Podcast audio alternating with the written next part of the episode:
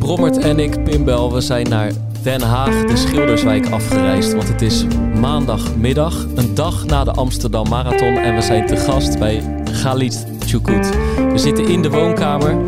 De versnaperingen staan op tafel. En Galit wilde graag uitslapen. En hij had daar... eh, dat ging hij doen met een voldaan en vermoeid gevoel. Maar hij heeft gisteren een PR van 2.09.34 gelopen. En zijn derde nationale marathontitel op zak. Galit, ten eerste gefeliciteerd. Ja, bedankt. Gewoon, En, eh, ehm, welkom in Den Haag. Ja, toch? Ja. We- we- dit wilden wij al heel lang eigenlijk, hè Erik? Wij- Zeker, dit stond al een tijdje stond dit op de, op de, op de wishlist eigenlijk. Ja, En, eh, maar we mogen nu eindelijk... eh, we mogen nu eigenlijk langskomen. En we hebben goede reden om langs te komen ook. Dus, eh, alleen, we hadden natuurlijk eigenlijk een uurtje eerder gepland. Maar ik begreep van Pim dat jij gisteren kort na de, kort na de finish, het was even gezegd had van... Kan het misschien toch een uurtje later? want Ja, het- klopt. Ja, logisch natuurlijk. Als je marathon loopt, dan... eh, want meestal in de avond eh, dan kan ik niet goed slapen, omdat je spierpijn hebt. En je hebt hele zware inspanning eh, geleverd. Dan wil je gewoon echt goed slapen. en hoe, hoe laat ben je uiteindelijk in slaap gevallen?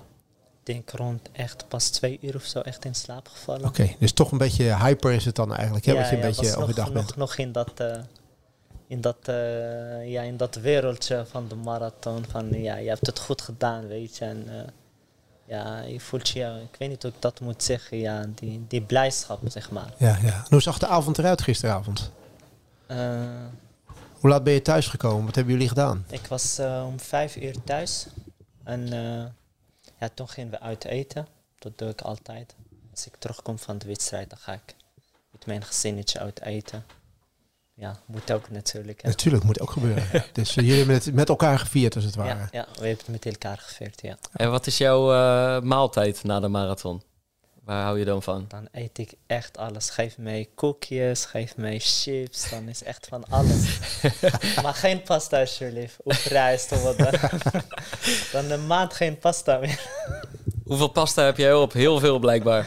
Echt sinds eh, ja, een, eh, tien dagen voor de, voor de marathon, dan is het echt eh, eigenlijk, eh, dan begin ik met pasta, rijst.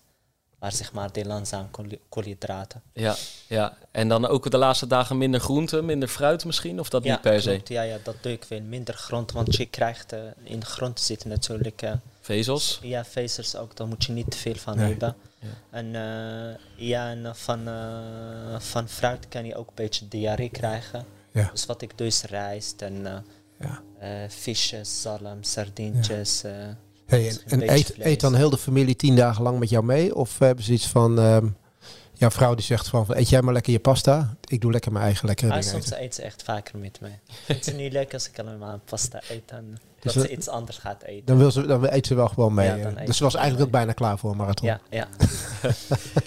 Ja, en dan ben ik heel benieuwd, want ik heb net je, je dochtertje gezien, Galit. Ze is even vanuit de woonkamer naar de andere kamer verplaatst, omdat we dan waarschijnlijk een vierde spreker in deze podcast hadden gehad. En goed, ze is maar net, denk ik, ja, eh, ouder dan een jaar, hè, denk ik. Hiba, Hierbij, ja. ze was vrolijk. Zeker. Ging Maar met die- een smile de deur Maar, uit. maar die weet nu ook al wat het is op te stapelen met een paar dagen pasta. Of heeft zij nog niet meegedaan? Nee, nee, ze heeft nog niet mee gedaan. Ik denk Nee. dat ze nog niet weten wat dat is. Nee, nee, nee, nee. Hey, en er zit nog een eh, collega-loper in de, in de woonkamer.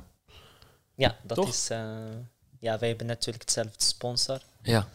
En eh, ja, zij kennen hem al een jaar sinds dat hij 17 was. Kende, kende ik hem. Ja. Is vaak bij mijn ouders geweest. Ik bij zijn familie. Dus ik zie hem als een broertje van mij, zeg maar. Want wie is hij? Want hij, ik, eh, ik herinner me de beelden van volgens mij de Dam tot Dam. Dan tot hij loopt vaker in Nederland. Hij loopt ook eh schoren, loopt de Brida's in, loopt eh, bijna alle wedstrijden in Nederland. Goed van voren, hè? Wat is zijn naam? Eh, Jacob Labkera. Kijk. Hey, en jullie hebben elkaar leren kennen in Marokko. Eh, eigenlijk niet in Marokko, maar het was eigenlijk hier in Nederland. Want ik ken zijn broer heel goed. Zijn Ja. broer heb ik... zijn oude broer, die was ook een goede atleet geweest. Mhm. Die liep 29 minuten op de 10. 10 jaar geleden. Ja. Dus via hem heb ik eh, zijn broertje leren kennen. En hij heeft, hij heeft zijn debuut gemaakt gisteren op de marathon ook. Eh, ook zijn debuut, ja. ja. Alleen jullie zitten er wel met een iets ander gevoel in deze woonkamer. Want jij hebt een nieuw PR en hij heeft het Olympisch Stadion niet gehaald. Ja, maar hij, eh, hij was toch niet teleurgesteld. Hij zegt, ja, van, ik heb van alles gedaan en eh, dit is de marathon. En eh, ja, dat hoort ook bij. Ik ben ook eh, vier keer uitgestapt op de marathon. Dat is gewoon momenten die je gewoon ja, van gaat leren in de toekomst. Ik weet zeker dat hij nog echt eh, ja, dat hij een geweldig talent heeft op de marathon. Dat heeft hij laten zien bij Philo halfmarathon. Toen met die wereldtoppers meegegaan. En uh, dam tot dam werd hij vierde. Ik denk dat die atleet uh, echt een toekomst 2-6-2-7 loper wordt. Ja, precies. Kijk, precies. Kijk, kijk. En daar ga jij als atleet natuurlijk nog veel aan hebben, want jullie trainen samen. Ja, zeker. Ja, samen, als, als hij in Nederland is, trainen we samen. Maar meestal natuurlijk, want kijk, nu met mijn gezinnetje ga ik niet vaker naar Marokko. Kijk, toen ik vrijgezel was, ging ik bijna elke maand naar Marokko. Lekker naar de warmte, maar nu kan het helaas niet. Ja, je wil je dochter niet missen. Nee. Dus, eh, dus het is niet dat we het hele jaar samen zijn, Nee, nee, nee. samen En, trainen. en het is niet een overweging dat je je vrouw en je dochter in de trainingskampperiode meeneemt naar Marokko. Dat was vorig jaar, eh, het was, sorry, het was eh, twee maanden voor Dam tot Dam. Het was heel lastig omdat de omstandigheden in Marokko echt heel warm. En eh, ik wil dat risico niet nemen omdat mijn dochter jong is. Ik weet niet hoe ze gaat reageren op die warmte. En, eh, dus misschien voor volgend jaar weer, dat ze weer meegaat, ja. Aan de andere kant, eh, je tijd en je prestatie van gisteren hebben bewezen dat het eigenlijk helemaal niet hoeft. Ja, klopt. Ja. Ik heb mijn beste tijden gelopen tot nu toe. Ik heb alleen maar in Nederland gelopen. In die tijd dat ik vaak naar Marokko ging, ging het toch vaak mis. Waar Dus ligt dat aan? Ja, weet niet. Ik voel me nu. Ik, eh, in die tijd toen ik vrijgezel was, houde ik veel van Marokko, weet je. Ik had alleen maar mijn ouders hier in Nederland. En je denkt niet aan je gezin. eh. nu heb ik een gezin, voel ik me veel gelukkiger in Nederland. Ik, eh, ja, ik, ik voel me niet, niet echt, echt eh, goed in Marokko als ik daar helemaal alleen in mijn eentje ben. En dat heeft dus ook een goede uitwerking op misschien wel op, op de rust bij jezelf en, en, en de situatie die je thuis hebt. Ja, En- en- dat ook. Ja, dat helpt ook. Ja, je hebt een gezinnetje. Ik, sinds ik een gezinnetje heb, ben ik beter gaan lopen. Gaat steeds beter. Ik, eh, ik maak nog steeds een hele mooie ontwikkeling door.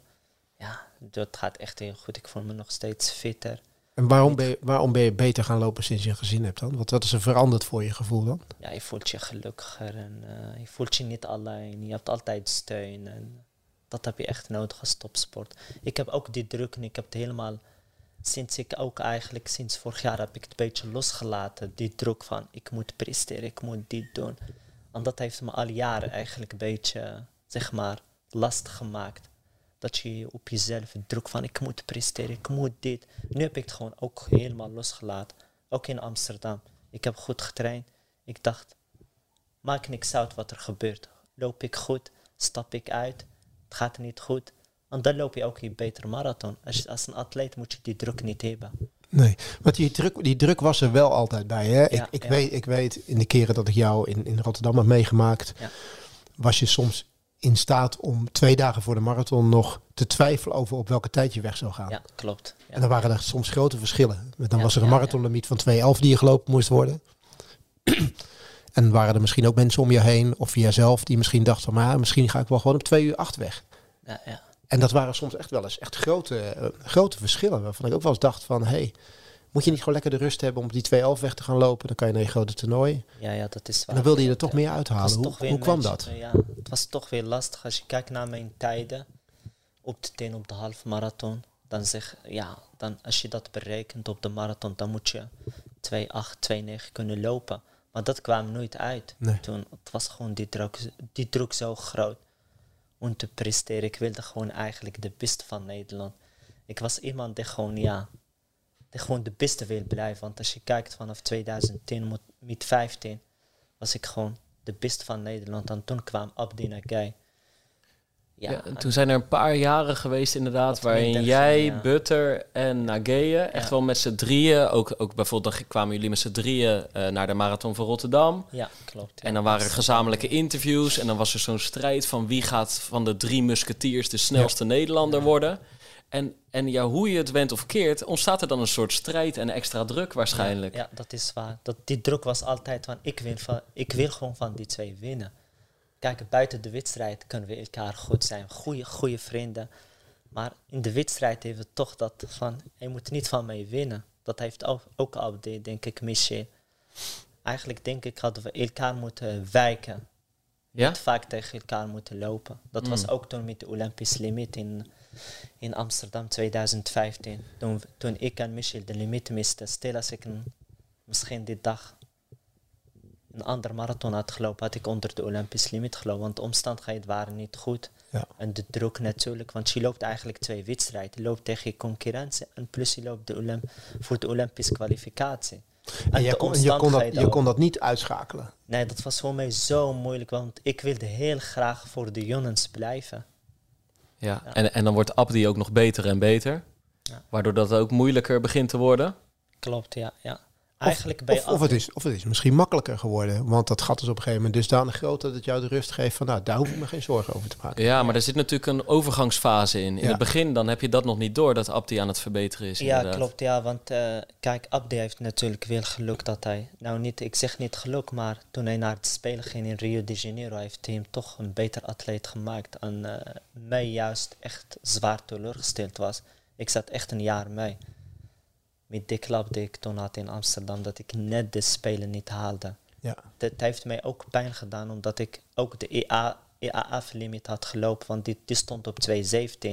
En ik loop zes minuten sneller, sneller dan de Olympisch limiet. En ik mag niet naar het spelen. Ja. Net iets meer dan een halve minuut hè, kwam je tekort Ja, voor de scherpe Nederlandse Ja, En ik limiet. zag, ik zag atleten bij het spelen die gewoon met 2.17, 2.16. Ja. Dan denk ik, ja, ik en Michel hadden we eigenlijk bij de Spelen in Rio de Janeiro allebei moeten, moeten eigenlijk starten. En je zegt, daardoor ben ik echt in bijna een jaar gewoon heel teleurgesteld Ja, geweest. ja, ik zat echt ermee. Ik ben iemand, dat was de droom voor mij om naar het spelen te gaan. Ik bedoel, als ik als marathon, kijk, het is vaak fout gegaan in Rotterdam. Maar toen kwam ik heel snel door die klappen heen. Maar het spelen was toch voor mij heel zwaar geweest. Toen in 2016.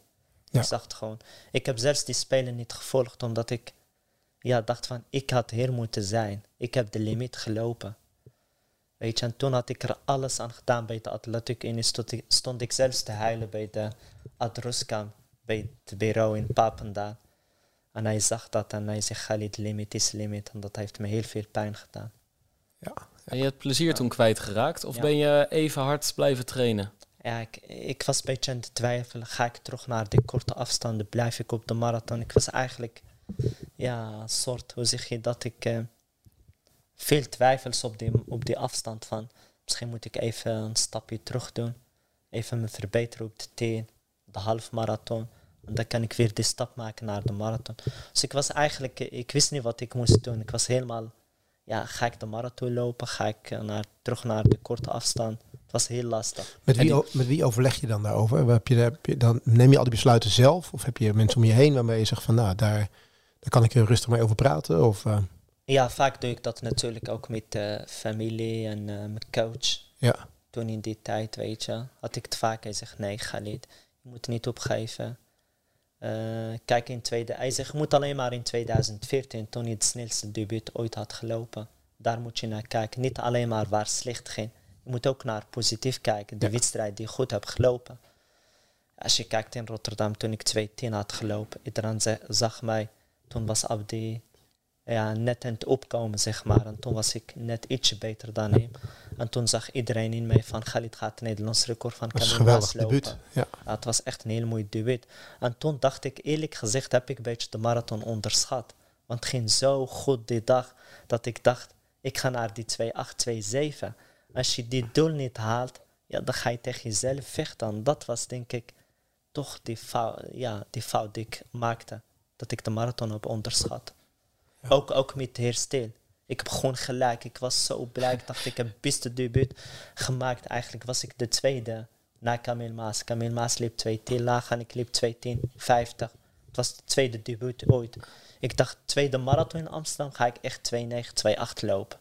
Ja, en dan als dat niet komt, dan ga je denken, oh wacht, de marathon is toch niet wat ik gedacht heb. In, de, Het in, is het niet te begin, onderschatten. ja, in het begin heb je me onderschat. Ja. Maar hoe ik jou daarna heb leren kennen, is het juist een en al respect voor de marathon. Ja, klopt. Altijd als ik met jou spreek, of op een persconferentie of in de interviews na afloop, jij praat altijd over de marathon als een, als, als een, als een groot, respectvolle afstand waar je ontzag voor hebt en waar je niet mee kan spotten. Ja, klopt. Sindsdien eigenlijk heb ik echt de, de echt, dan geef ik zoveel respect aan de marathon. Ik kwam echt twee keer de man met de hamer. Dat was toen in 2015. Toen ik net de Spelen miste. Bij 40 kilometer was het voor me helemaal klaar. Ik was helemaal op. Ja. Ik dacht toen, ik, ik ging niet kijken op horloge. Ik dacht, de limit is klaar. Want ik, ik hoorde de coach van Michel Butter. Jullie hebben nog 30 seconden. Je moet twee keer 2,50 lopen. Ja. En hij loopt op dat moment 3,10. Dus ik was helemaal klaar. Toen dacht ik, ik laat het los. Want 2,50 is bijna onmogelijk. Om twee keer 2,50 te Ja. kunnen lopen. Ja. Om net de limit te halen. Dus Ja. net, misschien net niet. ha- Had ik het ook niet gehaald. Misschien bij Michel was het wel gelukt. Met twee keer 50 in de laatste twee kilometer. Maar bij mij was het gewoon helemaal op. Het was koud. Ik heb ook een beetje, eh, ook, eh, want ik ging in Marokko trainen. Het was daar 36 graden. Ik heb in de warmte getraind. Dan kom ik naar Nederland. De eerste week begon het te regenen, een beetje te sneeuwen. Ik weet waar ben ik mee begonnen. Ik had liever in Nederland kunnen blijven. Aan de omstandigheden kunnen wennen. Ja. Was beter geweest, denk ik. Ja. Maar je hebt bijna altijd voor een Nederlandse marathon gekozen. Altijd Rotterdam of Amsterdam. Je hebt dan één keer een uitstapje naar Siena gemaakt, maar daar spreken we later nog wel over. Ja, Ja. tijdens maar, corona maar ook. verder heb je eigenlijk er altijd voor gekozen om, om, om of in Rotterdam of in Amsterdam te lopen. Ehm, waar, waar- waarom, waarom die keuzes? Ja, ja, ik denk dat je het wel weet. Wij hebben de luxe. We krijgen alles van de organisatie. Het wordt voor ons alles geregeld. Eh, de hazen, de t- geweldige tweede groep waar je lang mee kan gaan. Ze hebben ook Ja. meer geld over voor de Nederlandse atleten. Nee, ook startgeld natuurlijk is van belang. Voor de Ja, Nederlanders. En natuurlijk twee hele goede marathons gewoon. twee Goed hele goede georganiseerd. marathons, goed georganiseerd. Ook, ook met dit drinkpost heb ik ook nooit problemen mee. Het was echt perfect georganiseerd. Ja, kijk, een, eh, een marathon buiten Nederland heb je altijd het risico dat het niet goed gaat, weet je. Want ja, dan, eh, ja, dan eh, als je bijvoorbeeld in eh, Sevilla loopt, dan, eh, dan gaan ze toch meer aandacht aan die Spanjaard geven. Ja, omdat ze in Spanje wonen en hier in Nederland worden we gewoon, ja, zeg maar, verwend Ja, met die ja. marathons. Ja. Dus daarom de keuze in Nederland. En terecht. Moet je eigen, goed, eigen lopers goed verzorgen. Hè? Dus, eh, Maar toch, ik, ik bleef heel even hangen bij wat je net zei. Want dan blijkbaar, eh, je komt daar iets meer dan een halve minuut tekort. Michel natuurlijk acht seconden. Abdi plaatst zich wel die dag in het winderige en regenachtige Amsterdam in 2015. En dan besluit jij later dus naar Papendal te rijden. Toch? Ja, Wanneer was dat? Dat jij dacht volgens van, mij een week later, een week na, na Amsterdam. stond er sowieso al een afspraak? Of, of, je, of dacht je van, hey, hier moet ik iets mee. Ik moet laten nee, blijken... ik, ik had eerst natuurlijk Adruskam gebeld. Ik zei van, we willen hier heel graag over praten, want dit kan niet. Ja, Ik kwam ook voor Michel op, weet je. ja. Dus ik zei van, we moeten hier praten, we moeten echt iets doen. En we waren natuurlijk ook nog jong, dat waren de toekomst van Nederland. Ik zei, als deze generatie verloren gaat, als jullie de- ons de kans niet geeft, ja, dan is dat echt heel jammer. Dan zou het echt zonde zijn. Dus toen kwam er een afspraak. Ja, Jij emotioneel gaf je net ook aan. ja, ja. Maar er was geen eh, beweging in te krijgen. Nee, nee, nee. Die, die, die was echt op zijn standpunt. Die was zo van, nee, limit is limit, sorry. Wie het ook weet. Hoe ik jou ook graag als mens, geweldig mens vind, maar dit is topsport. Het komt natuurlijk voort uit de top, top 8 ambitie eigenlijk hè, van de NOC-NSF. En dat, Ja. dat ze niet alleen, eh, eh, dus dat ze gewoon 217, 216, 215 bij lange na niet genoeg vinden. Omdat je dan geen marathonlopers stuurt die ook voorin echt eindigen. Of zelfs kansen hebben op de top 10, top 8, eh, podium wellicht. Nou, Maar vind je, het, vind je het gewoon te streng? ik vind eigenlijk echt veel te streng. Want als je kijkt, toen Michel 211 liep en ik 211, 2015, dat we allebei de Spelen misten. Toen hebben ze ook niet naar de omstandigheden gekeken. en dat vind ik jammer. Ja. Want stel op een beter weer hadden we misschien wel onder het Olympisch limiet kunnen lopen. En toen waren die schoenen niet natuurlijk, want die 211 kan je vergelijken met 2,9. St- Zo slechte marathon hebben we niet gelopen. En ik weet zeker als we allebei gingen, toen in Rio de Janeiro, dat we echt in de top 15, top 20 hadden geëindigd. Ja, maar dat heeft ook wel te maken met je, dat je natuurlijk eh, uitkomt voor een ambitieus land. Wat Pim net ook aangeeft. Hè, dat de top 8, zeg maar, de mogelijkheid om in de top 8 op de spelen te kunnen lopen. Ja. Dat dat uiteindelijk een klein beetje de doelstelling moet, eh, moet zijn. Ja. En dat maakt het natuurlijk ook zo, eh, zo scherp. Ja, maar ze moeten ook de kans geven aan atleten. Ik bedoel, ja, we lopen niet 2,17 of 2,17. Kijk, 2,11 kon je echt gewoon goed meedoen met de spelen. Ik bedoel, Abdinagay liep ook 2,10 half. En ja, hij liep ook op een 11. hij werd ook 11e bij te spelen, top 10. Dus waarom zou dat niet kunnen? En waar het gat eh, met eh, Abdi was toen niet groot. Dus had zeker misschien wel top 15 ingezeten. En Michel helemaal, want hij is natuurlijk een uh, kampioenschaploper. Ja. Die, die man had misschien beter dan Abde kunnen doen. Ja. Wanneer kreeg je het plezier weer terug? Hoe lang heeft dat geduurd?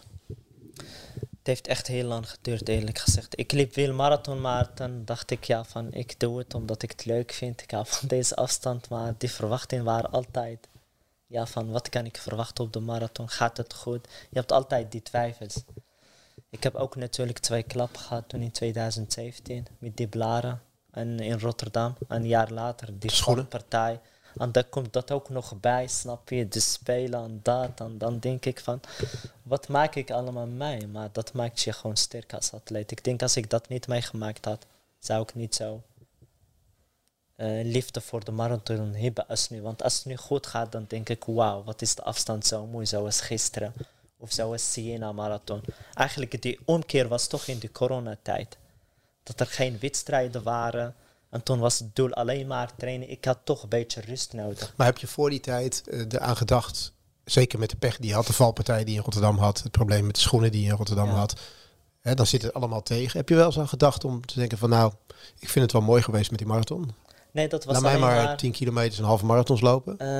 Uh, kijk, natuurlijk, toen zei ik na het finish, zei ik na tegen de inwas van ik stop ermee, want dat was ook uh, emotioneel ja. moment. Dat was zo moeilijk. Maar een dag later dacht ik, ja, van Khalid, wat heb je gezegd? Je moet een nachtje overslapen.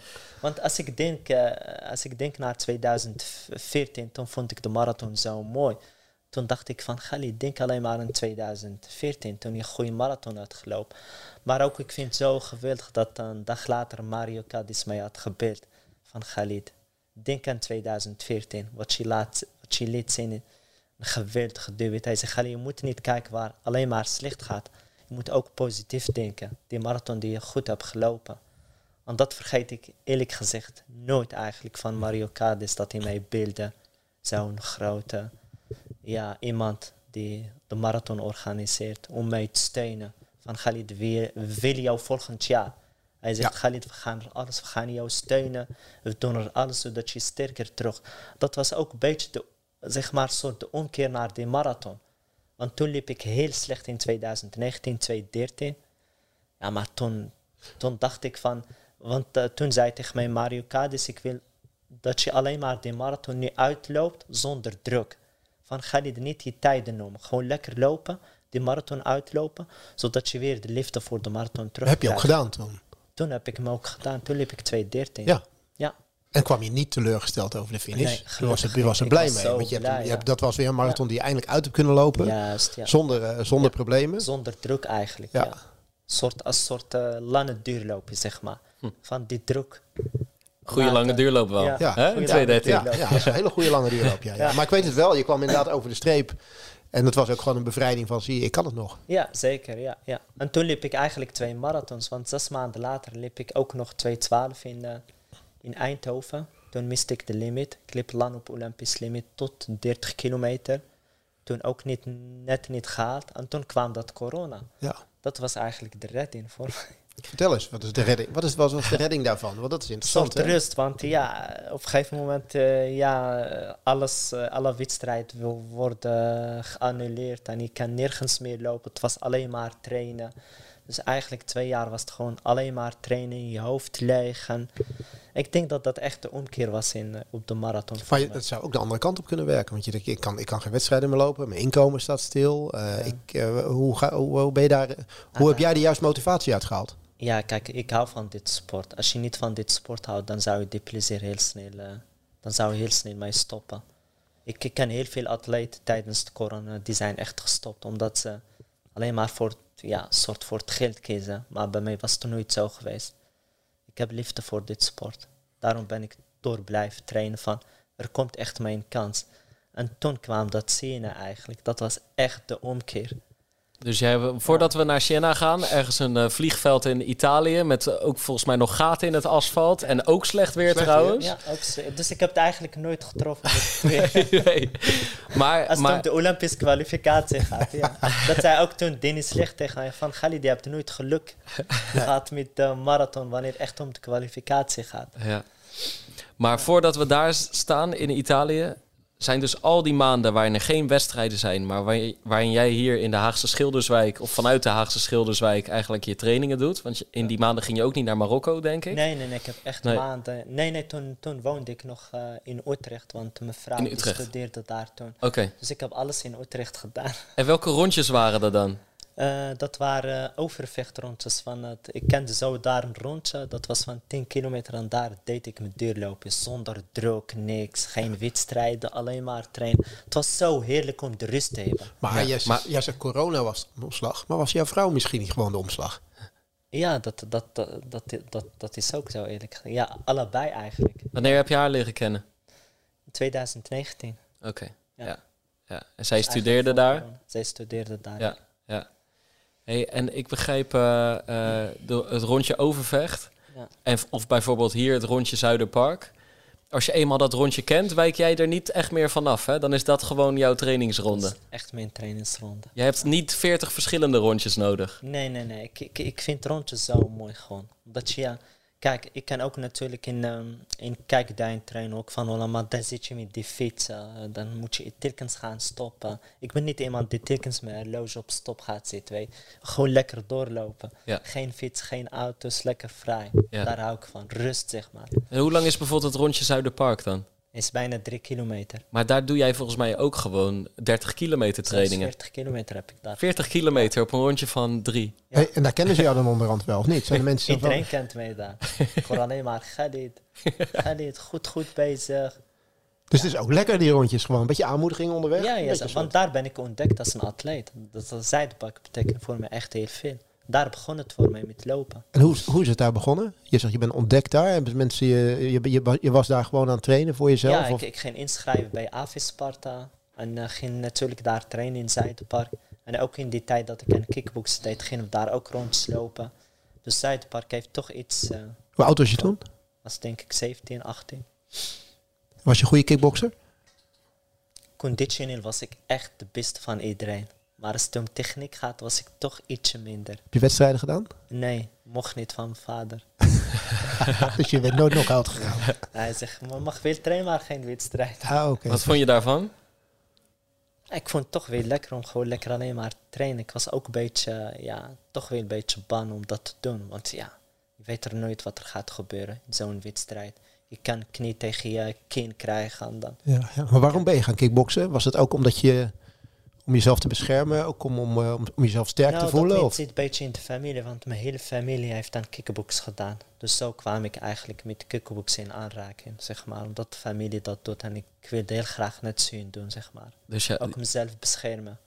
jouw vader had een paar eh, voorbeelden gezien. En die dacht, ja, kleine Galit die mag best wel kickboksen. Alleen eh, die mag Geen geen pof op zijn neus krijgen. Nee, want hij is een keer ook geweest in de trainingen. Dus hij zag hoe zwaar dat is en hoe echt hard tegen hard ging daar in de sportschool. Het was echt de beuk tegen elkaar gewoon. Net zo op je echt gewoon op straat aan het vechten tegen iemand. Ja. Dus het was nooit leuk. Het was, ik vond het wel die kick zo mooi, weet je. Als je van iemand wint in de sportschool. Maar toch wedstrijden heb ik nooit aan gedaan. Maar je zegt ook, een beetje, ook om jezelf te beschermen. Was het ook een beetje noodzakelijk in de, in, de, in de toch wel ruwe buurt waar je op dat moment in opgroeit? Ja, dat ook een beetje, maar eerlijk gezegd, ik heb het nooit. Ik was niet iemand die echt eh, buiten het vecht, al heb ik het gedaan, ik heb dat nooit buiten gebruikt, weet je. Ja. Ook, ook al eh, iemand weer ruzie, probeer ik altijd die iemand te ontwijken hoe weg te gaan. Want ik weet als het echt om vechten gaat, dan breek ik ze kin of eh, je, dat wil je Dan niet komt toch die. Dus kickbox- dan komt die kickbox mentaliteit ja, toch boven. Dus Ja. ik ben iemand die echt rustig is en nooit problemen heb Nee, gehad. nee precies, precies. Hey, en, en, dan- en, en waar is dan de omslag gemaakt dat je toch dacht van... Met hardlopen ben ik ook goed. Ja, wanneer ging je die... Wanneer, wanneer heeft ging, dat kwam überhaupt dat hardlopen erbij? Eh, dat was eigenlijk toen ik, eh, toen ik Nederlands kampioenschap liep op de baan 10 kilometer. Want ik wilde me heel graag kwalificeren voor de Europese kampioenschap junioren. Ja, maar daar zit nog wat voor volgens mij. Want je, je, Oh, dat je- zit daarvoor bedoel je? Ah, Ja, nee, ja, wanneer ben jij gaan hardlopen? je- Want je was aan het kickboksen. Ik vond het eigenlijk in het begin echt heel saai, niet leuk. Maar je deed het als kickbokser, als conditietraining. Dat klopt, want ik ging naar Hoek van Holland, gingen we daar altijd zo'n rondje lopen. Met wereldtoppers, eh de kickboksen, kickboksen. Europese kampioenen. En toen deden we zo'n rondje van vijf kilometer. En toen was ik altijd eerst over de finish, vijf minuten, zes minuten. En toen zei iedereen tegen mij van Khalid, is toch hardlopen iets voor jou? Want kickboksen, ja, je bent echt conditioneel top. Maar als het echt om techniek gaat, heb je toch minder. Waarom zou je dat niet, niet even proberen? Als het niet lukt, kan je altijd terugkomen. Want dat was eigenlijk die, zeg maar, die reden dat ik heb geprobeerd en uh, mezelf heb ingeschreven bij AV Sparta. Dus die mensen hebben mij ook eigenlijk zeg maar uh, geadviseerd om te gaan hardlopen. Ja. Dus zo begon het oh, bij AV Sparta. Ja, ja. Wat is dat voor club? Uh, wat is dat voor club? ja, ik hoorde AV Sparta in die tijd. een mooi atletiekclub. En nu, nu kom ik voor Haag, waar ik heel blij voor ben. Het was het begin was heel mooi natuurlijk. Want daar ben ik ontdekt. En ja, wat voor club eigenlijk, ja. Gewoon een heel leuk, gezellig club. Maar ik vond toch, toch veel leuker. Ja, ja. En hoe ben je overgegaan dan naar die andere club? Omdat het een betere coach was? Of wat, uh, het was qua faciliteiten, qua financieel was het toch beter in die tijd. Ook als jonge atleet kunnen ze jou steunen met alles. Ja. Had je snel in de gaten dat je een goede atleet was? Dat je, dat je goed was in hardlopen? Dat was toen ik uh, in 2005. Toen liep ik eigenlijk twee minuten sneller dan de junioren, maar ik had helemaal niet door wat voor tijden ik liep. Ik liep toen 30 minuten, maar ik wist niet hoe hard dat was. Iemand die vijf maanden train is. En toen, uh, wilde ik, uh, toen uh, wilde mij volgens mij Greet Koen zei van Khalid, de kans is groot dat je ja, Europese kampioenschap gaat meedoen als je de limiet loopt. Want de limit was toen 31 minuten. Voor junioren? Voor junioren, ja. En toen zei ik, maar als ik tegen junioren loop Nederlands kampioenschap, dan moet ik het helemaal alleen doen. En toen had ik de kans om te starten bij de senioren, Nederlands kampioenschap senioren. En dat, is, dat was echt voor mij dat moment dat ik hardloop zo leuk vond. Omdat ik toen Nederlands kampioen werd bij de senioren. Toen ik 18 was, werd ik, dat kon ik niet geloven. Ik ben net begonnen met lopen en ik word Nederlands kampioen op de 10.000 en uh, Michel Butter gedopt op uh, eh, 400 meter. Uh, ik kende toen Michel niet, maar Michel die kwam naar mij van, je hebt echt goed gelopen. Ik liep toen 30 minuten en Michel liep 31 hoog of zo. Het was ook natuurlijk het begin van zijn carrière, Michel. Maar toen wist ik eigenlijk wat ik gepresteerd had op die dag. Wat vonden ze ervan op de kickboxclub? Ja, echt geweldig wat ik allemaal laat zien. Ik mocht voor de eerste keer voor Nederland uitkomen, Europees kampioenschap. Ja, het was echt zo mooi. En toen begon de liefde een beetje voor te lopen. Dus in het begin was het niet wauw, niet, niet, niet iets wat ik wil, zeg maar. Wauw is trouwens het favoriete woordje van je dochter, hè? heb ik net gehoord. Ja, klopt, dat heeft van mij geleerd. dat hoorden we net, ja. Hey, en uh, um, moeten we nog die jaren daarna of moeten we weer het uh, stapje naar Siena maken? Ik denk wel, uh, dat we wel. Nou, ik vind misschien nog wel eventjes, want je hebt op, je hebt je lang, je hebt lang getraind bij Bram Wassenaar. Ja. Volgens mij, die was denk ik toen coach bij Haag Atletiek. Ja, klopt, ja. Was dat degene die jou in eerste instantie, zeg maar, hoe heet het, uh, onder de hoede heeft genomen en, en, en jou over, over overtuigd heeft dat je echt een goede atleet kon worden? absoluut, ja. Bram was toch, toch die uh, man die mij, die mij echt heeft geholpen. Die echt met heel veel dingen, ook trainingen. Ik ging ook vaak met hem op trainingskamp was toch drie jaar met echt heel veel plezier dat ik met Bram heb gewerkt. En hij zag ook in mij dat ik echt... Hij, zegt, hij heeft altijd tegen mij gezegd, toen was ik nog niet aan de marathon begonnen. Hij zegt, ik zie je echt een heel goede marathon worden. Hij zegt, misschien zie ik je wel tweede Camille Maas. Ja, dat was voor mij een beetje echt de motivatie. En had je al, voordat we naar Shannon gaan, had je al snel in gedachten van die marathon... Dat is wel een interessante afstand. Eh, Wanneer begon je daar voor het eerst aan te denken? Want je hebt jarenlang natuurlijk crossen, 5 kilometer, 10 kilometer. Uh, nou ja, alle, weg, alle wegwedstrijden eigenlijk. En in de winter altijd de crosses. Ontzettend veel uh, nationale titels ook gelopen. Voordat uiteindelijk die stap naar de marathon komt. Dat was eigenlijk een keer toen ik een duurloopje deed. Volgens mij was het, even kijken, was 30 kilometer of 35 zonder eigenlijk dat ik, ja, dat ik die afstand nooit heb gelopen. deed ik gewoon een duurloopje. En het gewoon geweldig goed en ik was niet moe of zo. En toen zei mijn coach, misschien is wel echt een marathon iets voor jou. Waarom zou je dat niet proberen? En zo kwamen we met het idee om te debuteren in Rotterdam. En trainde je toen al in Marokko ook? Ging je toen naar Marokko toen Nee, op nee, een trainingstage? nee, Toen, was toen, ik, toen, toen in het begin had ik natuurlijk geen sponsorcontract. Toen was het financieel niet, niet, zeg maar, niet mogelijk om eh, vaker op trainingskamp te gaan. Dus eh, ik, ik, ik heb heel lang het deelloopje gedaan. Ik ging van Hoek van Holland en al die grote rondjes doen. En dat ging zo makkelijk. En mijn coach zag in mij dat ik een heel goede marathon kan worden. Hij zegt, misschien kunnen we debuteren in ja, Rotterdam. ja. Dus zo kwamen we met het idee. Maar de debuut in Rotterdam heb je gemaakt zonder dat je op trainingskamp bent geweest in Marokko? Ik was wel op trainingskamp daarvoor, wel. ja. ja, ja. Wel, ja, ja. En we, hebben ze in Marokko opgemerkt? Want ik bedoel, natuurlijk, Marokko heeft natuurlijk wel een verleden met veel goede marathonlopers en alles. Hadden ze daar snel in de gaten, hey, Khalid Choukout, Nederland, goede, goede loper. Nou, dat, eh, nee, volgens mij niet. Niemand heeft dat tegen mij gezegd, maar mijn coach zag dat wel in mij.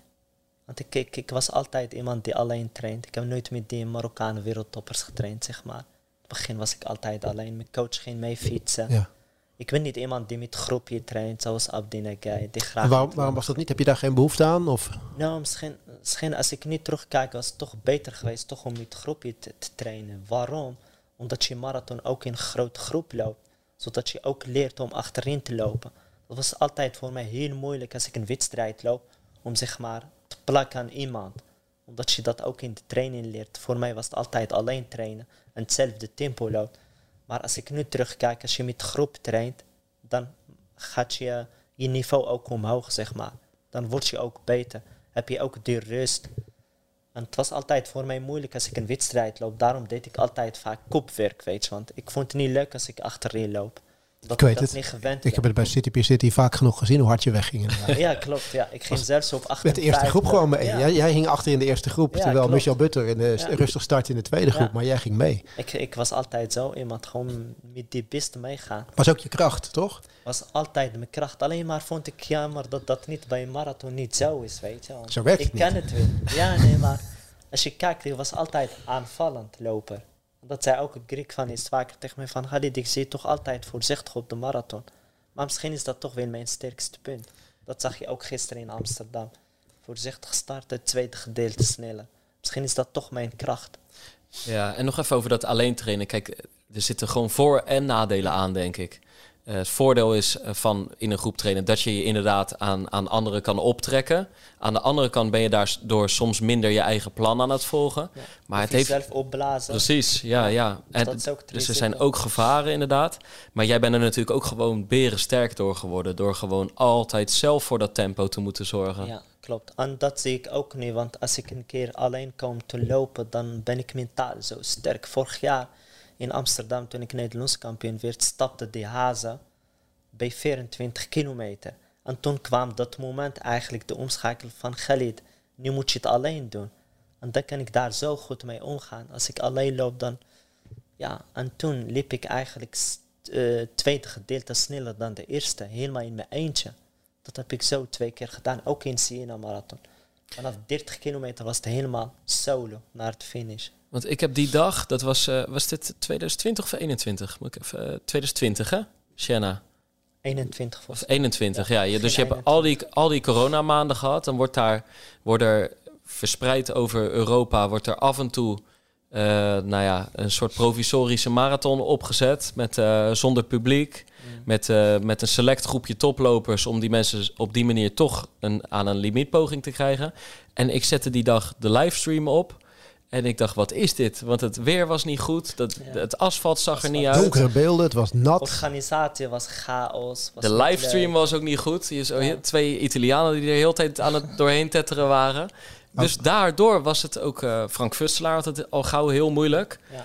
En eh, toen bleek uiteindelijk dat jij wel gewoon een steengoede marathon eh, had gelopen. Hoe, hoe ging dat die dag? ja, dat ging echt geweldig. Maar voor het Siena eigenlijk had ik gekozen voor de Zurich Marathon. Ja. Ik wilde eigenlijk in Zurich. Ik stond op de startlijst in Zurich Marathon. Maar door de weersomstandigheden is de marathon geannuleerd. En toen, toen kreeg ik ook een soort klap, weet je. Want ja, je hebt getraind, weet je. Dan moet je je programma helemaal zeg Aanpassen. maar, aanpassen. Eh, ik kon nergens binnenkomen. Heb ik geprobeerd om in Valencia te, binnen te komen. Het was echt helemaal bomvol, omdat ze beperkte atleten die mogen starten. En toen met Hamburg Marathon kon ik ook niet binnenkomen. die in Schede werd georganiseerd. En toen kreeg ik pas het laatste moment dat ik mocht starten bij Siena Marathon. Dus ja, eh, toen was ik zo blij. Ik dacht, eindelijk mag ik. En je hebt had- de druk van tevoren niet meer gehad. Die was misschien Nee. weg. Klopt, dit was Maar hoe, echt hoe kort van tevoren weg. hoorde je dat je in Siena mocht starten? Een maand van tevoren had ik. Een maand. Ja. Oké. oké. En toen had ik natuurlijk weer goed getraind, want ik was echt een jaar echt keihard aan het trainen. Ik heb geen wedstrijd gelopen. Eigenlijk, als ik nu terugkijk hoe ik dat heb gedaan, bijna anderhalf jaar zonder wedstrijd gelopen, want dan opeens 2-9 loopt aan de Olympische limiet. En ook, ja, hoe dan in zo'n moeilijke omstandigheden, eh, lastige organisatie, de bidons waren niet goed. En eh, moesten we ook twee uur, zaterdag moesten we twee uur wachten in de regen om coronatest te doen. en eh, ja, het was gewoon geen Stond je- ideale voorbereiding. Stond je gewoon buiten in een Ja. rijtje te wachten totdat je ergens een hokje binnen We mocht? stonden echt twee, twee uur lang buiten te wachten in de regen. Dan dacht ik tegen mezelf van, Khalid, maakt niks uit wat er gebeurt. Dit is je laatste kans. Ik was zo sterk mentaal, dat ik de dag als ik op een, eh, in, eh, in een beter weer had gelopen, dat ik 2-7 kon. Zo sterk was ik gewoon. Maar waarom dag. ging je daar met de druk wel zo goed om en daarvoor niet? Was dat ik had toch... niks Was, te verliezen. ja. Weet je, ik dacht ja. Ik had niet die hoge verwachting van ik moet, ik doe dit. Ik ga gewoon lekker volle bak in. Want dan zie ik wel wat er gaat. Als dat goed gaat, prima. Gaat het niet goed, dan heb ik het geprobeerd. Wat hadden ze de tempomakers? Het was allemaal niet. Het was natuurlijk allemaal geen organisatie zoals in Amsterdam met bidonnetje aangegeven en Rotterdam Marathon allemaal, allemaal goed geregeld voor jou specifiek. Het, dat was, je moest het natuurlijk helemaal zelf. eh, Ik moest het echt helemaal... Nee, in het begin was het een helemaal goede groepje, maar daarna moest je het helemaal zelf doen. Ja, en eh, ja, met Rotterdam of Amsterdam of Eindhoven, of al die grote marathons in Nederland, zijn toch verwend om, eh, om ja, dat we het luxe hebben met hazen en alles. En dat was in China toch best wel lastig. had je al snel door dat je goede benen had? Na 30 kilometer wil, toen ging ik versnellen. Gewoon ik echt van 3,5 naar 2,50 per kilometer. Toen liep ik net zo hard als de winnaar eigenlijk, samen met Richard Trainer toen. Hm. Ja. Hey, en dan, ehm, dan kom je daar over de finish en dan denk je, ja, mijn, mijn Olympische droom gaat uitkomen. Ja. Dan komt er daarna eigenlijk een rare periode, omdat er zes Nederlanders onder die limiet hebben gelopen. En, en dan uiteindelijk die kwalificatie nog moet volgen. Nou, dat Ja. kwam uiteindelijk goed, hè? Eh, maar ja, dan ga je naar een heel bijzondere spelen, waar Ja. en geen publiek bij is, en de marathon uiteindelijk naar Sapporo wordt verplaatst, waardoor je eigenlijk niet in het Olympische dorp zit. Eh, hoe, hoe heb je dat ervaren? Want volgens mij is dat uiteindelijk toch ook een teleurstelling geworden, die spelen. eerlijk gezegd was toen, toen ik eigenlijk eh, over het, toen ik uitstapte, toen dacht ik van misschien was het beter geweest om niet te gaan. Zo het gevoel had ik. Ik weet niet, misschien kwam door die teleurstelling. Maar die spelen heb ik nooit meer goed bijgevoeld, zeg maar. Terwijl dat wel je, jou- jouw absolute droom was van ja, maar spelen. niet, is, niet, dat is- niet, eh, dat is niet iets wat ik van atleten hoor. Spelen is echt mooi. Publiek, je zit in een Olympisch dorp met atleten. Waar een soort zeg maar opgesloten. Ja. Net alsof je in gevangenis zit, zit. Weet je, we mochten niet naar buiten. Hadden zo'n rondje van 700 meter waar we gewoon duurloopje van anderhalf uur moeten doen. Het was gewoon heel slecht geregeld. En elke keer moest je met die coronatest, dan denk ik van, Khalid, is dit echt spelen die je wilt? Ja. had ik misschien toch eh, misschien eh, toch ja, leuker om, eh, om Londen mee te maken of Rio de Janeiro, waar ik heel veel atleten heb gehoord. Dat ze echt super tevreden zijn met de organisatie. Dus het was toch heel moeilijk voor mij geweest. Ja, Het is even, niet die spelen waar ik op gehoopt had, zeg maar. ja, even voor de duidelijkheid. Het is natuurlijk ook, jullie zaten op 800 kilometer van Tokio. Ja. Waar de Spelen natuurlijk werden georganiseerd. Uiteindelijk hebben ze, nou ja, terwijl dat natuurlijk al van tevoren duidelijk was. Volgens mij was de zomer ervoor een hittegolf in Tokio geweest. Waardoor ze uiteindelijk hebben besloten de marathon te verplaatsen naar Sapporo. Maar goed, uiteindelijk was het in Sapporo heter dan in Ja, Tokio. Dat was nog ja. het allervreemdste. Want uiteindelijk Ja. werd dat een marathon waarbij het beeld was... ijsblokjes in de nek, petten met cool dingen, cool vestjes. Iedereen was sponsen en water over zichzelf aan het Ja, heen maar het gieten. was wel te begrijpen. Want ik was, ik was in 2019 ehm, in Tokio toen de kwalificatie voor de, voor de, voor de Japanners werd, werd gelopen in Tokio. En die dag dat, eh, dat die kwalificatiewedstrijd werd gelopen, was het echt zo ongelooflijk heet. Dat eh, mede naar aanleiding daarvan is besloten van nou, we kunnen hier niet een, eh, niet een marathon gaan organiseren. Ja. Maar je ziet het is een jaar, een jaar later zijn de weersomstandigheden heel anders. Ja, klopt. Ja, ja, Dus het leek op dat moment leek het een Ja. goed besluit. ja. Maar jij hebt gewoon voor je gevoel niet de Olympische Spelen meegemaakt zoals de Olympische Spelen hoort te zijn. Nee, eigenlijk niet. Niet dat is wat ik van heel veel atleten hoor. Dat spelen de mooiste wat er is. Dus ik had toch, ja, toch, ja, vond het toch minder leuk. Ja. En die dag kreeg je maagproblemen, ja, ja, ja meen ik, hè? klopt. Ja, ik denk de omschakeling voor mij was heel moeilijk. Ik ben nooit naar Azië geweest. Ik heb ook een foutje gemaakt. Maar je leert ook van je fout. Want ik heb natuurlijk toen in Marokko getraind. Ik heb alleen maar naar de warmte gekeken, maar niet naar de luchtvochtigheid. Ja, Want ja. Marokko was de luchtvochtigheid 20%. Ja. En in Tokio was 90%. Ik had beter toch misschien in Casablanca kunnen trainen of Rabat, waar de luchtvochtigheid echt heel hoog was. Toen dacht ik, oh, de warmte, weet je. Mhm. Dat is toch, toch de inschatting fout wat ik maakte. Ja, en toen ik in Japan was aangekomen, toen dacht ik, wat voor weer is dat? Was benauwd. Die loopt al twee minuten en begon niet te zweten. dacht ik, ja, maar Marokko is toch anders. Het is warm, 36 graden, 40, maar toch ander warmte, weet je. En Tokio was benauwd. eh, eh, sorry, Sapporo was echt benauwd en eh, toch ander warmte. Het was niet warm, maar het was gewoon benauwd, zeg Ja. maar. En je merkte dat jouw lijf daar heel veel moeite mee had. Ja, terwijl dan ja, de ja. tijd eigenlijk heel kort is. Ja, je kan wel iets aanpassen, maar niet, niet meer zoveel. Nee, nee, nee. Ik kon echt niks doen eigenlijk. Want ja, eh, ik bedoel, ja, het is gewoon echt zieke omstandigheid. Ik dacht, die marathon eigenlijk had nooit plaats moeten vinden. Of s'avonds of eigenlijk vroeg. Had nooit om zeven uur plaats moeten vinden. Ja. Want dat wa ik zag echt atleten onderweg. Dat is echt flauw velen. Ja, ik bedoel, dat kan nooit goed zijn. Ik denk, ja. En en dan moet, je, dan moet je uitstappen in een race waar je eigenlijk altijd heel erg naar uitgekeken hebt. Hoe lastig was dat? Het was echt heel moeilijk.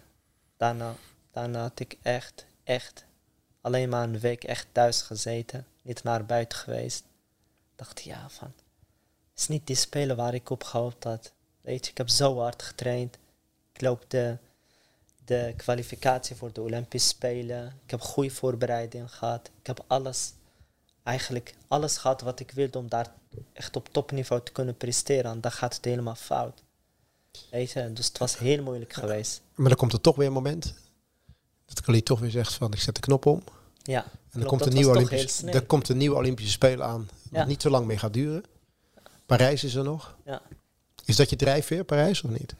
Kijk, ik, ik bekijk het nu natuurlijk elk jaar, weet je. Ik ben nu ook op leeftijd 36 jaar en ik maak nog steeds een hele mooie ontwikkeling door stil. Volgend jaar ben ik niet geblesseerd en fitter ben.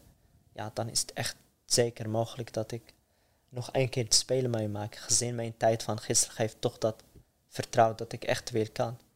Ja, want gisteren, kijk, de Olympische limiet is denk ik nog niet eens vastgesteld. Hè? Nee, dus die, die, niet. die Ja. krijgen we nog te horen. Maar er werd gisteren gesproken over 20940. Of is dat een uit de lucht gegrepen getal? oh, Dat is ja, volgens mij 2K-limiet, denk ik. Ah, Ja. oké. Omdat gisteren in de tv-reportage werd, werd die 20940 werd genoemd. ja. Oh, dat de, zou kunnen hoor. Maar ja. de Maar verwachting is in elk geval dat die veel scherper wordt dan toen. Mede Ja. door de ontwikkeling Schoenen. van de schoenen. Eh, dus ik denk dat we aan zoiets moeten gaan denken, toch? Ja. Zo- Zo'n tijd ik denk, ongeveer. Ik denk 2,930, 2,9 zo. Ja. Ja. Dus die tijd van gisteren, die zit eigenlijk op dat niveau. Maar je moet Ja. het dan volgend jaar eh, nog herhalen, eigenlijk. hè? Ja, ja. Ehm, maar die droom is er dus nog steeds. Ja, die is er nog steeds. Als ik hem Ja. niet haal, dan heb ik toch de spelen meegemaakt. Dus die druk heb ik nu niet van. Maar je wil wel de Spelen meemaken zoals ze Ja, horen te zijn. Dat wil. Parijs wordt echt een mooie, mooie spelen. Ik heb van de week zag ik het parcours van Parijs voorbij komen. Het wordt echt, eh, volgens mij is dat echt, echt een geweldige marathon. die Wel hier hoogtemeters, zag ik. Hoogtemeters. En En er zijn ook mogelijkheden voor ons om mee te mogen doen. Hè? Ja, ze, ze, doen hem, eh, ze maken er massa-evenement Ja, eh, van. 20.000 want dat deelnemers is echt, mogen er mee kijk hoe zwaar het parcours is, hoe beter voor mij is. Ja, Maar dan kan je niet alleen op het Zuiderpark trainen, want dan moeten er ook heuvels in gaan zitten. Ja, weet ik, maar ik ben een krachtloper. Ik ben altijd een goede crosser geweest. Dus zo zwaar. Ik denk als ik bijvoorbeeld in New York loop of Boston, dat ik een heel goede klassering had. Ja. Ik loop altijd op zware parcours echt goed. Parijs goed, hè? langs de Seine is het alleen maar op, af, Ah, op, af. Dat Onder tunneltjes door. weten. Dus, ja, eh, dan ja. kan ik me voorbereiden als ik de limiet Precies, haal. precies, Ja. precies.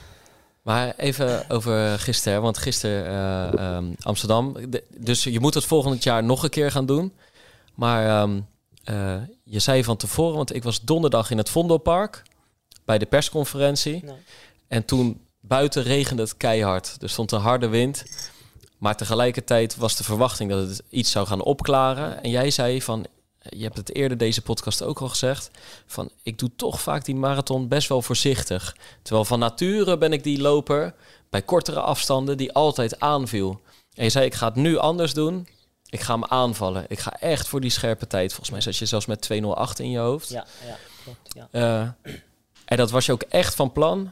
Ja. Toch besluit je op zaterdag iets anders te gaan doen. Klopt, Hoe is ja. dat gegaan?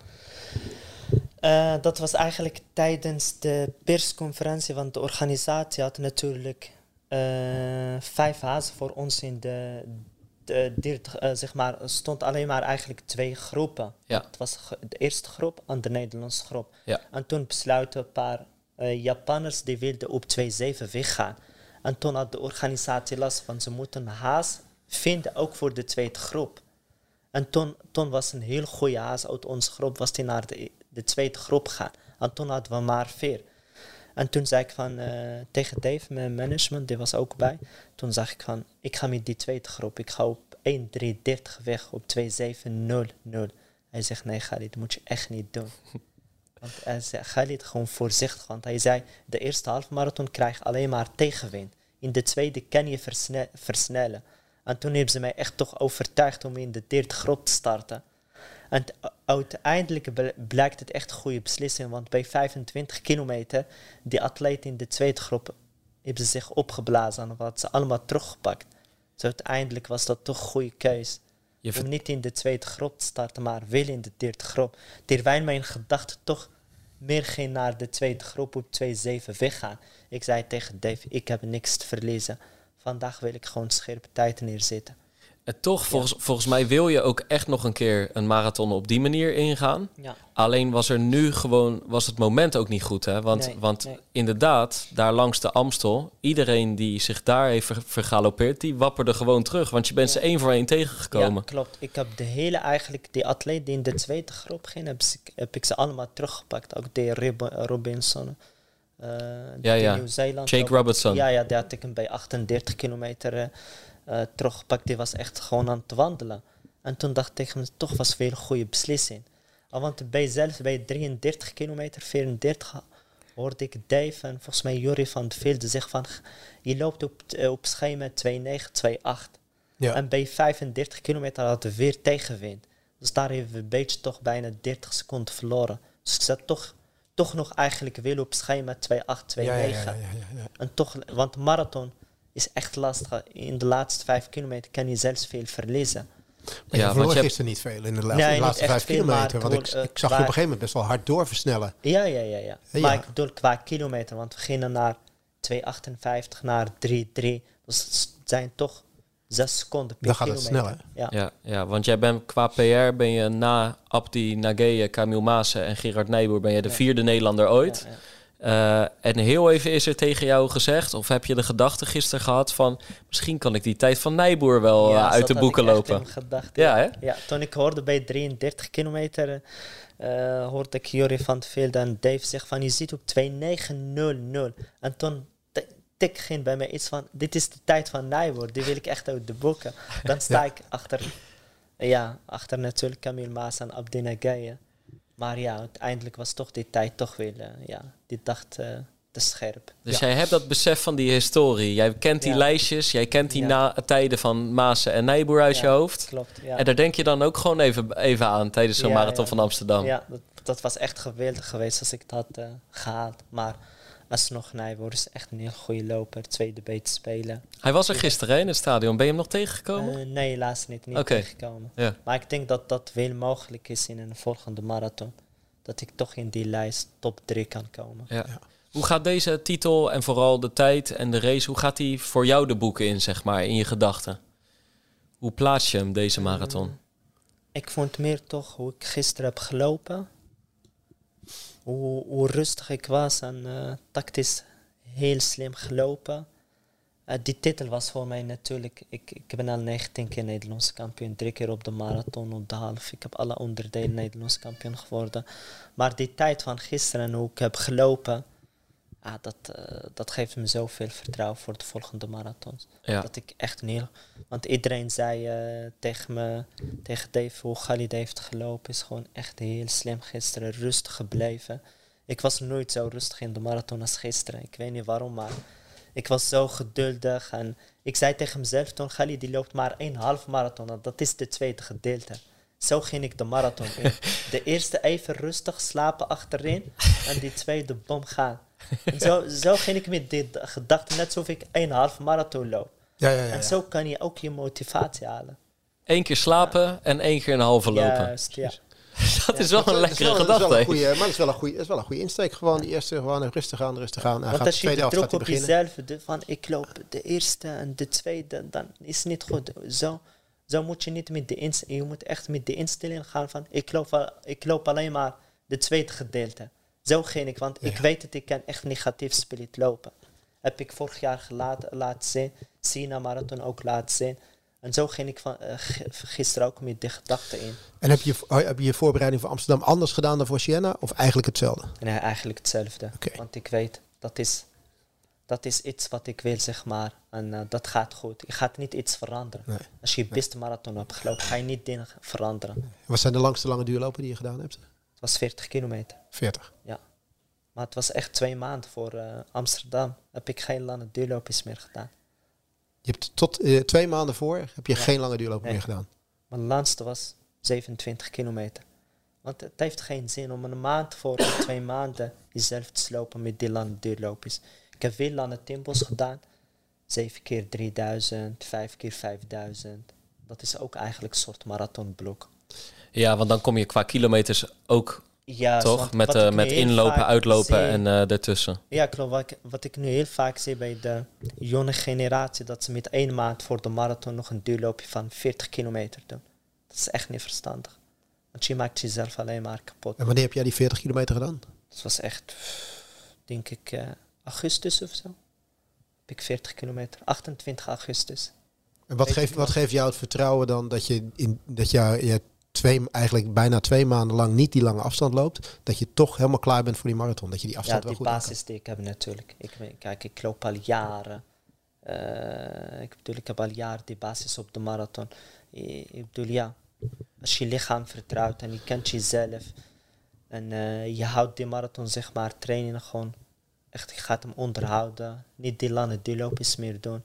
En dan sta je ook fris aan de start, zoals vorig jaar. Maar je ziet heel Zoals- veel nieuwe lopers momenteel die die, die afstand van de marathon wel eh, heel regelmatig lopen in die voorbereiding. Hè? Ja, maar elke atleet is anders. Bij mij past dat niet. Kijk, ik zeg niet dat dat niet iedereen, niet voor iedereen is niet goed. Nee, je hebt een atleet die gewoon een maand voor de marathon 40 kilometer loopt. Dat is nog een goede marathon loopt. Maar bij mij heb ik dat gedaan en het blijkt niet goed te zijn. Ja. Ja. Dan En, sta ik gewoon minder fris aan het start. en die, met die vijf keer vijf kom je denk ik alsnog op 35 kilometer uit Ja, die dag, ja. of niet? Toch? Alleen maar een intervalstraining. Ja. Maar dan anders, dan ga je natuurlijk gas terug. Nee, je loopt 5 kilometer op marathon tempo. Dan ga je bijvoorbeeld 3 minuten rust, ga je 5 kilometer. Is toch anders dan dat je achter elkaar loopt. Ja. ja. Ja. En, en wat zijn jouw hoogste weken qua volume in zo'n voorbereiding? Ik heb echt weken gedaan van bijna anderhalf maand, week van 200. Oké. Constant, Ja. 200. En wanneer begin je daarmee met afbouwen? Want dat is heel veel. Eh, de laatste drie weken begon ik, eh, dan ga ik gas terugnemen naar 150, 160. Want die basis heb ik opgebouwd, dat is goed. En dan ga je gas terugnemen. Hoe meer je gas terugnemen, hoe fris je aan de start staat. Ja, maar 200 is heel veel, toch? Ja, zeker is veel. Maar, Maar train je zeven dagen in de week, twee keer per dag? Of hoe ziet dat eruit? Ja. Altijd? Ben je, ja. Hou je rustdagen of ben je niet van? Soms als ik, als ik voel dat ik dat echt nodig heb, dan luister ik weer naar mijn lichaam. Dan neem ik echt weer rustdag. Dan denk ik van, Galit, soms heb je van die dagen dat je denkt, nee, ik heb echt geen zin om te trainen. Ja, dan neem je rustdag. Hoe, hoe vaak komt dat voor? Of is dat toch vrij zeldzaam? Is echt moeilijk toch? Meestal als ik die rustdagje heb, dan denk ik, oh, waarom heb ik niet getraind? Is een soort verslaving, weet je. Wij topsporters, wij zijn gewend om twee keer per dag te trainen. En dan ineens train je de hele dag niet. Dan lijkt de dag zo lang gewoon. weet je. Hey, en wie maakt je schema's momenteel? Doe je het zelf? Of- Ik doe het nu zelf. Ja, En hoe lang doe je dat al? sinds eigenlijk Siena Marathon. En, en betekent dat gewoon dat je vaak voor een week eh, bepaalt van eh, eh, deze twee of deze drie trainingen, die zijn belangrijk en, en dat is wat ik ga doen? Of schrijf je het echt voor jezelf voor een hele maand bijvoorbeeld uit? Nee, nee, nee. Ik bekijk dat echt in, een- in een dag. Oké, elke dag Goed, bes- ja. bepaal je weer opnieuw. bepaal ook dat gaat door. Een maand schema, kijk, je kan weer een maand eh, schema maken voor jezelf, maar je gaat toch niet aanhouden. Weet je, ik bedoel, ja, je weet niet hoe je, de dag stelt. Je hebt eh, een, eh, een zware training. Je kan dat niet altijd goed doen, snap je? Je moet altijd goed naar je lichaam luisteren. En dat doe ik nu goed. Zeg maar, ik, ik bekijk dat in een dag. Als ik bijvoorbeeld stil, ik zit in een marathon voorbereiding en ik heb dinsdag eh, ja, 15 keer 1000 en ik sta op, ik voel me niet goed, dan verplaats ik die training naar het volgende morgen. En zo ga ik nu met mijn lichaam om. Maar je Dat maakt dus nu niet meer een uit. schema vooruit. Je kijkt gewoon per dag wat je wil doen. Maar je weet wel, ja. je, je hebt wel een vast dat je denkt van ik doe op dinsdag en donderdag doe ik Ja, snelheidstraining ja, of zo. Zijn er, kun, je, kun, je, kun je eens vertellen hoe, hoe ziet een week eruit? Kun je dat eens een beetje een, een, een, Eh, een van je laatste goede weken zeg maar? Goeie week. Kijk, bijvoorbeeld maandag doe ik altijd eh, een duurloopje 's ochtends. Ja, 15 kilometer. En dan s smiddags ga ik naar de sportschool. Een beetje krachttraining, dat is ook nodig. Met buikspirentraining, je rug. eh, je Dat doe je ook zelf of heb je daar Ja, begeleiding dat doe in? ik ook zelf. In En doe je dat hier- heb je hier in de buurt of hier ja, ik dichtbij? probeer alles eigenlijk. Ja. ja. En de volgende morgen doe ik bijvoorbeeld altijd intervalstraining. Als ik krachttraining heb, doe ik wat korter. 400 op de baan. En die doe je in de ochtend. In de ochtend, ja, bijvoorbeeld doe ik eh 25 keer 400. Tempo 66, tempo 65 seconden per, per ronde. En dan smiddags doe ik een duurloopje van 50 minuten, hersteltraining. En wat doe je aan herstel tussen je vier honderdjes? Eh doe ik eh, 50 seconden herstel. Dribbel of wandel? Een beetje snel, Oké. zeg maar, ja. En eh, smiddags doe ik een duurloopje van 50 minuten. En eh, eh, woensdag doe ik twee keer duurloopje. S ochtends doe ik 16 kilometer en eh, 's smiddags ik rond 20 kilometer. Dan kom ik op 36. En eh, donderdag doe ik meestal één keer. Dan is het lang, 20 kilometer. En dan eh, 's middags heb ik massage. Of ik kan ook eh, rustig fietsen of wandelen. Je kan alles doen. Dan is het de hele dag voor jou eigenlijk de middag. En op vrijdag doe ik intervalstraining, wat lange blokken. Meestal doe ik 3000, 7 keer 3000. Tempo 302, 301, zeg maar. Die marathon tempo die ik wil lopen. En dan doe ik, ehm, Hoeveel heb je heb je daartussen? Heb je ik heb 3000? 1000. 1000, oké. Maar die 1000 gaat wel hard. Die, die gaat 320. En dan ga ik 3000, 301. En dan kom ik op 27 kilometer. Kom dat doe je op de weg? Op de baan? op de weg, Ja. op de weg. En dan kom ik gemiddeld op 27 kilometer op 306, 305 tempo. Dat zijn echt die marathonblokken. Ja, en dan 's smiddags hersteltraining, 50 minuten gewoon joggen rustig. En dan eh, zaterdag doe ik één keer. Beetje rustig, 5 minuten, eh, 50 minuten. En zondag doe ik een lange duurloop. Het kan 35 zijn, het kan 30. Het ligt eraan hoe ik eh, hersteld ben van die lange training, intervalstraining. Ja. Dus zo ziet mijn we- een week Ja, uit. Want die is eigenlijk de zwaarste, die lange is de blokken. zwaarste, die lange blokken, ja. ja. En meestal lange duurloopjes loop ik niet hard. En heb je eigenlijk allemaal alleen gedaan? Of heb je samen gedaan met... eh, Soms doe ik het, eh, als Jacob in Marokko Ja. is, doe ik het samen met hem. En als ik in Nederland ben, dan doe ik het eh, meestal alleen. en hij volgt eigenlijk jouw schema.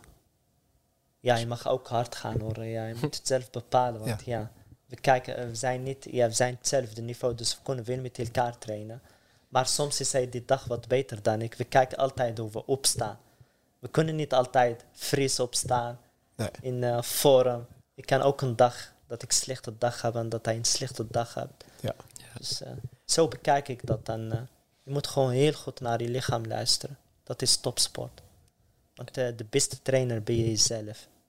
Goed hoor. Dat is ook de ervaring die je natuurlijk hebt opgedaan Ja, door de jaren ook, ja. heen. Hè? Ja, ja.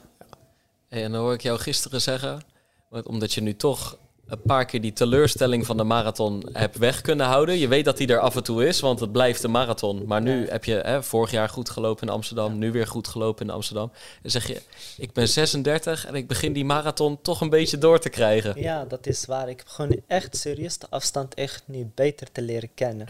Ik weet hoe ik omga als ik een keer bijvoorbeeld gisteren had, had ik het moment dat ik zwaar had bij 30 kilometer. Maar dan kan ik de knop zo snel omges- omschakelen naar positief. En dan gaat het ineens, dan voel ik me zo goed. Hoe, hoe deed je dat? Ja, dat is omdat ik vaak altijd alleen train. Heb ik die momenten ook in de trainingen dat ik het soms heel zwaar heb, maar dat ik dat heel snel kan omschakelen Maar- van Khalid. Dit, dit, dit moet je niet vertrouwen. Dit is gewoon. Ja, want dat kan ook dat je een keer snelle kilometer loopt en daarom heb je het zwaar. Ja. Waar, je- waar, waar uitzicht dat zwaar in? Uitzicht dat omdat je Nee, nee, gewoon het dat moeilijk in je hoofd of je benen? ja, of, ja, soms met benen. Dan denk ik, nee, Khalid, wacht, nee, je moet gewoon dat omschakelen en dan gewoon. En dan gaat het ineens weg, weet je. En hoe gaat dat schakelen? Gaat dat met een klein beetje tandje terug? Of juist met misschien even doorpakken? Nee, of is het gewoon mentaal? nee, dat is gewoon echt mentaal. Ja. En dat is wat ik heb geleerd. Maar ik denk, elke atleet heeft dat momenten. Zoals Jacob, bijvoorbeeld Jacob had het moment bij 24 kilometer heel zwaar. Ik zei, misschien als je net even twee kilometer door had gelopen, had je je tweede adem kunnen vinden. En dat is de marathon eigenlijk. Ja. En toen dacht ik, voelde ik me bij eh, eh, 32, toen was ik heel iemand anders, voelde ik me zo weer fris en ik kon weer lekker gaan. Zo is eigenlijk de marathon. Je hebt ook momenten, je moet daar ook mee omgaan. Het is niet dat je hele marathon loopt, denk je, oh, het gaat allemaal goed. Nee, je hebt ook momenten dat je het ook zwaar hebt. Daar moet je mee omgaan als atleet. En dat is wat ik nu heb geleerd. En hoe lang blijf je dat nog doen? Dat is een goede vraag. Ik, eh, het gaat nog steeds goed. Ik, eh, ik ben niet geblesseerd geraakt en eh, ik voel me fitter. Ik maak nog steeds een hele mooie ontwikkeling door. Als het zo doorgaat, ja dan. Zeker voor een paar jaartjes. Ja, een paar jaartjes. Ja. Want het is een speciaal leven, toch? Wat je op deze manier leidt. ja, dat is toch moeilijk, want ja, ik bedoel, ja dat is echt het is niet makkelijk hoor, want je, je laat ook leuke dingen voor, voor topsport. Je kan, je, kan, je kan gewoon geen leuke dingen meer doen. Je bent bezig alleen maar met topsport. Maar ja, ik vind dat aan de andere kant weer leuk, want als je die doel haalt, dan vergeet je eigenlijk alles. Ja? Zoals Ja. vandaag. eh, Nederlands kampioen worden in 209 is ook een leuk ding, toch? ja, ja, zeker. hè. Ja, dan vergeet je eigenlijk al die voorbereidingen wat je hebt gedaan, dan vergeet je dat. Maar als je slechte marathon hebt gelopen en je stapt uit, en dan vergeet je die voorbereiding niet. dan is het echt moeilijk. Maar dan denk- is het denk ik fijn thuiskomen dat hier Hiba op een stoeltje zit. Met een Ja. paar knuffels voor de neus. En dat zij eigenlijk helemaal niet met die marathon is bezig geweest. Dan heb je Ja. haar wel als afleiding, ja, denk dat ik. is waar, klopt. Ja, ja. Maar het is eigenlijk gewoon sinds corona eh, is gekomen en sinds jouw vrouw in, in je leven is gekomen, ja. is het, niet meer zo verkeerd, is het eigenlijk helemaal niet meer verkeerd gegaan. Nee, zeker niet. Sinds ik eigenlijk getrouwd ben, ging het alleen maar goed, eerlijk gezegd, met topsport. Ja, ik, weet niet, maar het, het- het- ik ben echt een andere atleet geworden. Die druk niet meer als topsporter, want ik, ik, ik, ja, mijn gezin is nu op nummer 1 nu. Topsport zie ik nu op tweede plaats. Misschien to- moet ik toch maar aan de vriendin, eh, Erik. Ja, Als ik dit het- zo allemaal hoor. Het advies is goed. Ik wil denk, ook die marathon doorkrijgen. Had je haar maar eerder tegengekomen? Ja, dan, ja, ja, klopt. Want ik wilde eigenlijk natuurlijk, toen ik 21 was, wilde ik ook toen trouwen, maar toen zei mijn coach, nee Khalid, je moet het niet doen. Dus ik was altijd iemand die heel graag een gezinnetje wil. Toen ik jong was, wilde ik graag kinderen hebben, gezinnetje. Dat was altijd een droom voor mij geweest. Maar toen blijkt toch dat ik nog jong was. Toch beter even wachten. Ja, en nu ja, is het eigenlijk trouw echt vanzelf gekomen. Speelt, speelt het een rol? Ik, ik hoorde merk als bij de Kenianen ook, die, zijn doen, die, die trainen en die lopen ook altijd heel veel voor de familie. Ja, dat doe ik ook, ja. Ook gisteren eigenlijk vocht ik voor mijn gezinnetje. Dat voel je, dat onderweg heb je Ja, zoiets van, ja, weet ja, het, eh, ja, dan voel je eigenlijk echt ander atleet. Gewoon, Ja. je staat scherp aan de start. Gewoon van, laat maar komen die marathon. ja. Ja. Ja, mooi Erik. Toch? Zeker, zeker. Heel mooi, heel motiverend. Dus, eh, wat, wat, is, wat is de volgende startlijn waar je, waar je aan de start staat? Hij moet eerst even herstellen, een weekje niks doen. Ga ik lekker rusten. Loop je helemaal niet de komende week? Zwemmen, beetje sauna, massage.